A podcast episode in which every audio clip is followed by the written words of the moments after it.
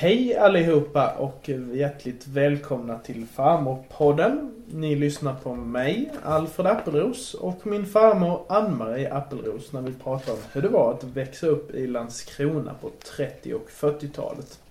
Och eh, nu är vi inne på del två i ett lite special eh, eller två specialavsnitt här om ett möte, ett speciellt möte i ditt liv farmor.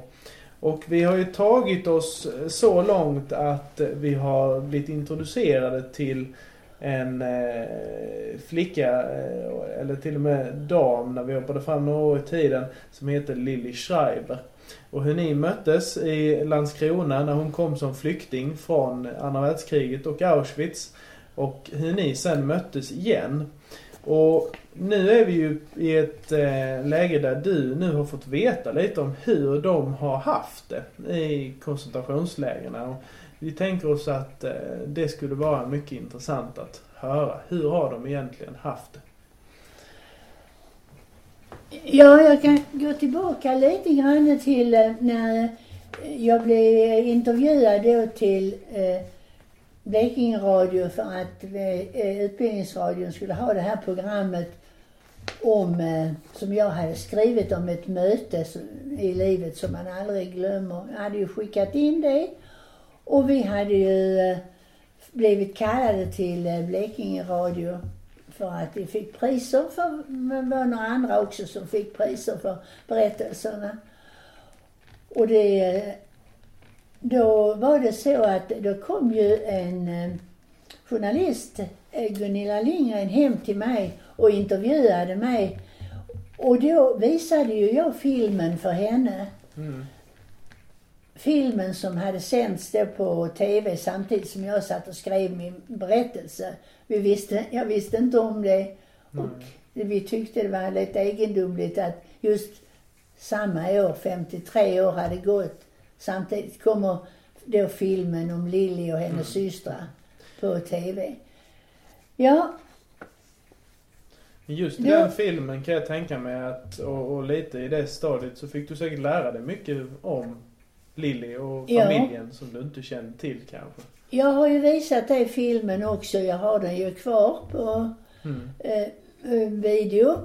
Och där, där får vi ju då möta familjen. Och det var ju nytt för mig också när jag såg alla systrarna tillsammans. Och de kom då där och, och eh, talade om sina olika eh, öden i livet de hade haft.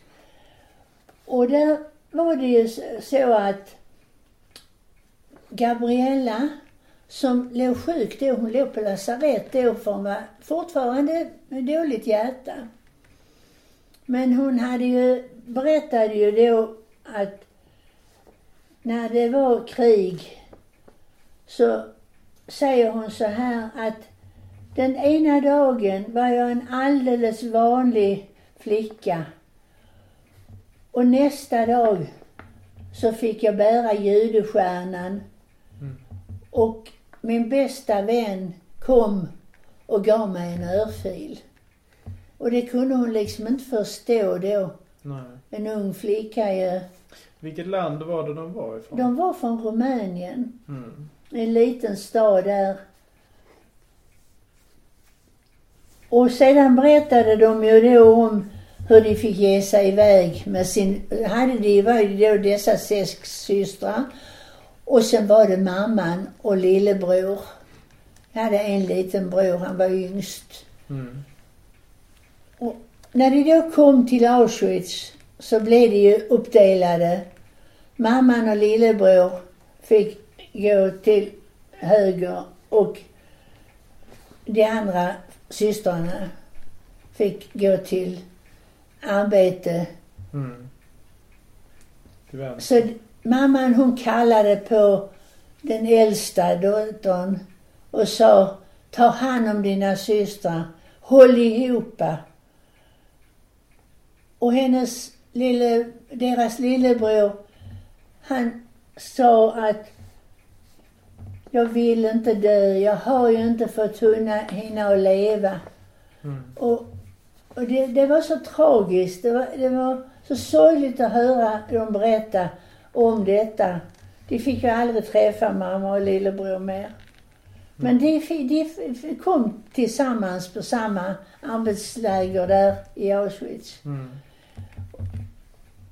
Och stora syster, hon eh, var mycket, mycket noga med att de aldrig skulle stå tillsammans utan de räknade ut på något vis. De, eh, nej, det var så att de hade tvillingar. Mm. Just det, det var två syskon Miriam och Dora var tvillingar. Och de hade lockat, förstår du, med att om eh, de fick eh, särskild mat och god mat, men de ville göra undersökningar på tvillingarna. Mm. Men hon förstod att det var någonting som hon skulle, de skulle akta sig för. Så hon ställde alltid tvillingarna på, på vars, långt ifrån varandra, för det inte skulle synas att de var tvillingar.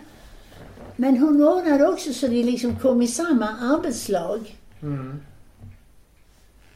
De låg på britsar, många tillsammans. Kallt och mörkt. Och det första Lilly berättade på filmen, det var ju när de skulle få klä av sig. Och de rakade av håret på dem. Och de kände inte igen varandra. För det, alltså, tvillingarna var ju lika också. Men att eh, när de inte hade något hår och så, så de sa, frågade varandra, är det du? Är det du Miriam? Är det du Dora? Och så där kunde de fråga. Ja. M- Men i alla fall så fick de ju vara där och arbeta och slita och, och hjälpa till med mm, eh, mycket hårt arbete var det. Mm. De måste ta hand om varandra väldigt väl då kan Ja, de gjorde det för bland annat så vet jag att eh, eh, den äldsta flickan, Iris hette hon, hon, hon eh, blev sjuk och fick tyfus. Och då skulle de försöka att smuggla lite mat till henne. Och då var det en av systrarna hade försökt att lägga en liten morot i sin stövel. För hon skulle kunna ge henne det och så en bit bröd hade hon. Mm. Men moroten kunde inte hon tugga, eh, systern, för den var för hård. Men hon höll brödet mot en varm kamin så det skulle bli lite mjukt. Mm. Och när de berättade också om sen, eh, Lilly berättade för mig, att eh, om det var någon som dog där, för det var ju många som dog, Mm. då satt de nästan och väntade på att kunna springa bort i, eh, alltså alla fångarna där, att få fatt i den brödbiten som kanske var över Ja. efter den som dog.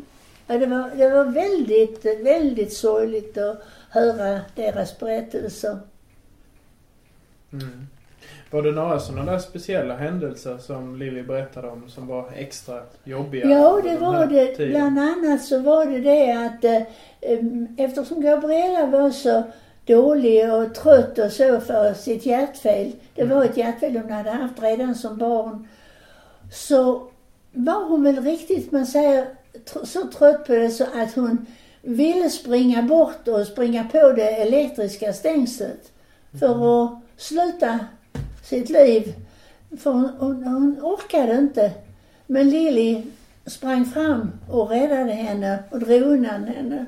Mm. Och de fortsatte att hjälpa henne så de skulle klara, klara upp. Eh, Och sedan eh, eh, var det så att när det då, nu är vi kanske, hoppar lite framåt och då, då var det så att de skulle flytta från Auschwitz till något som hette Ravensbrück. Mm. Och där var det ännu värre. Hon sa där fick de fälla tr- stora träd och de fick knappt någon mat och, och de frös och det var jättesvårt. Hon sa man var som en maskin. Mm. Man bara arbetade och, och kla- eh, klarade eh, dagen precis ju. Mm. Mm. Men- Ber- Berättade de eh, om, för det måste varit hur de började märka, eller om de började märka att kriget började gå mot sitt slut. Ja, när de, det, det, jag vet inte om de märkte det men i alla fall när de var i Ravensbrück så eh, hade de kommit då och sagt till dem att nu skulle de flyttas igen. Och de trodde ju då med detsamma att de skulle bli, eh, för tåget stannade, jo de fick åka tåg. Mm. Och då stannade det mitt, mitt ute på någon ställe och då tänkte de det nu så, nu ska de skjuta oss. Mm. Och då var det en av systrarna som sa, jag hoppas de skjuter mig först så jag slipper se när mina systrar blir skjutna. Ja. De tänkte, så var hennes tankar. Och så, så att de var så nära så de visste att när de steg av tåget så skulle de bli skjutna. Mm. Mm. Men det var så konstigt tyckte de, för rätt vad det så fick de gå upp på tåget igen. Mhm. Och sedan åkte de igen och så plötsligt så kom de, eh, märkte de ju att de kom ju ner i Tyskland i, och, och började undra vad det var för någonting. De skulle åka båt Mhm. Över och de skulle få åka över till Sverige och då förstod de ju att det måste ha blivit fred. Ja, just det. Och då blev det ju, då kom ju hoppet tillbaka. Mm. Mm. Och de gladde sig ju då att de skulle komma till eh, Sverige. Mm.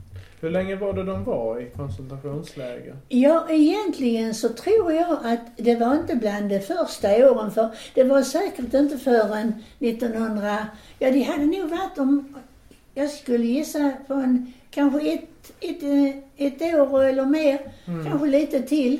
För det. 44, i början av 44 har jag för mig att Lilly har sagt någon gång. Men Mm. eh, Ja, ja. Men eh, ja, där ser man. Det måste ju du fått veta då. Ja, det var kanske lite dem. tidigare, jag vet inte. Men i alla fall så, så tror jag inte det var från början av kriget utan det var ju, var ju då vid omkring eh, hela 44 och så till 45 då till det eh, halvåret det Just blev det. krig. Så detta fick du lära då när du träffade Lilly igen i, i Tranås och efter det och så? Ja, detta har de berättat eh, när vi kom och det var kanske det jag skulle berätta lite om hur vi körde upp där då och vi fick träffa dem och, och eh, allt vad de, eh, vi kunde Mm. eh, tala om gamla minnen och de kunde ju liksom inte fatta detta att jag hade tänkt på det men jag sa det till dem.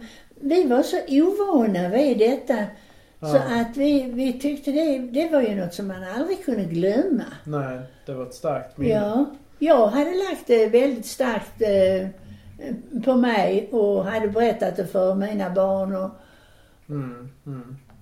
Jag kan tänka mig att du var väl också väldigt intresserad av att veta hur det hade gått för dem i livet också sen ja, efter. Det måste väl också varit mycket jo, det, kring det visades ju också på filmen.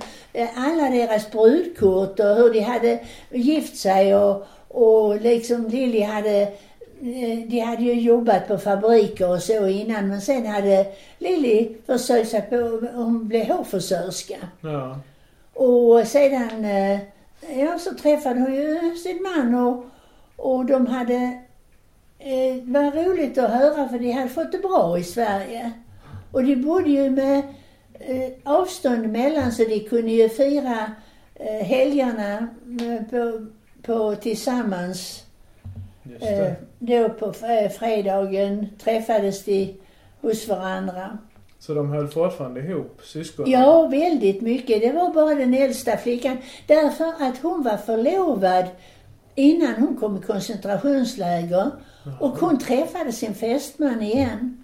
Jaha. Och då flyttade, eh, flyttade de, för hon åkte tillbaka då till Rumänien och eh, träffade honom igen och sen flyttade de till Israel. Ja, ja, så Ja. de mm, överlevde båda två där ja. Ja. Ja, okej. Så det, jaha. eh, men, Men- men efter, efter i Tranås där, hur... Jo, då var det så att då bestämde ju vi då att eh, Annika och jag, vi skulle komma och hälsa på i Stockholm. Mm, och då var, mm, var vi uppe där och Annikas man och son var med första gången. Och de hade samlat eh, hela familjen och släkten. Först hade de ju haft vänner som var från Stockholm också som hade bekantat sig med oss i Tranås.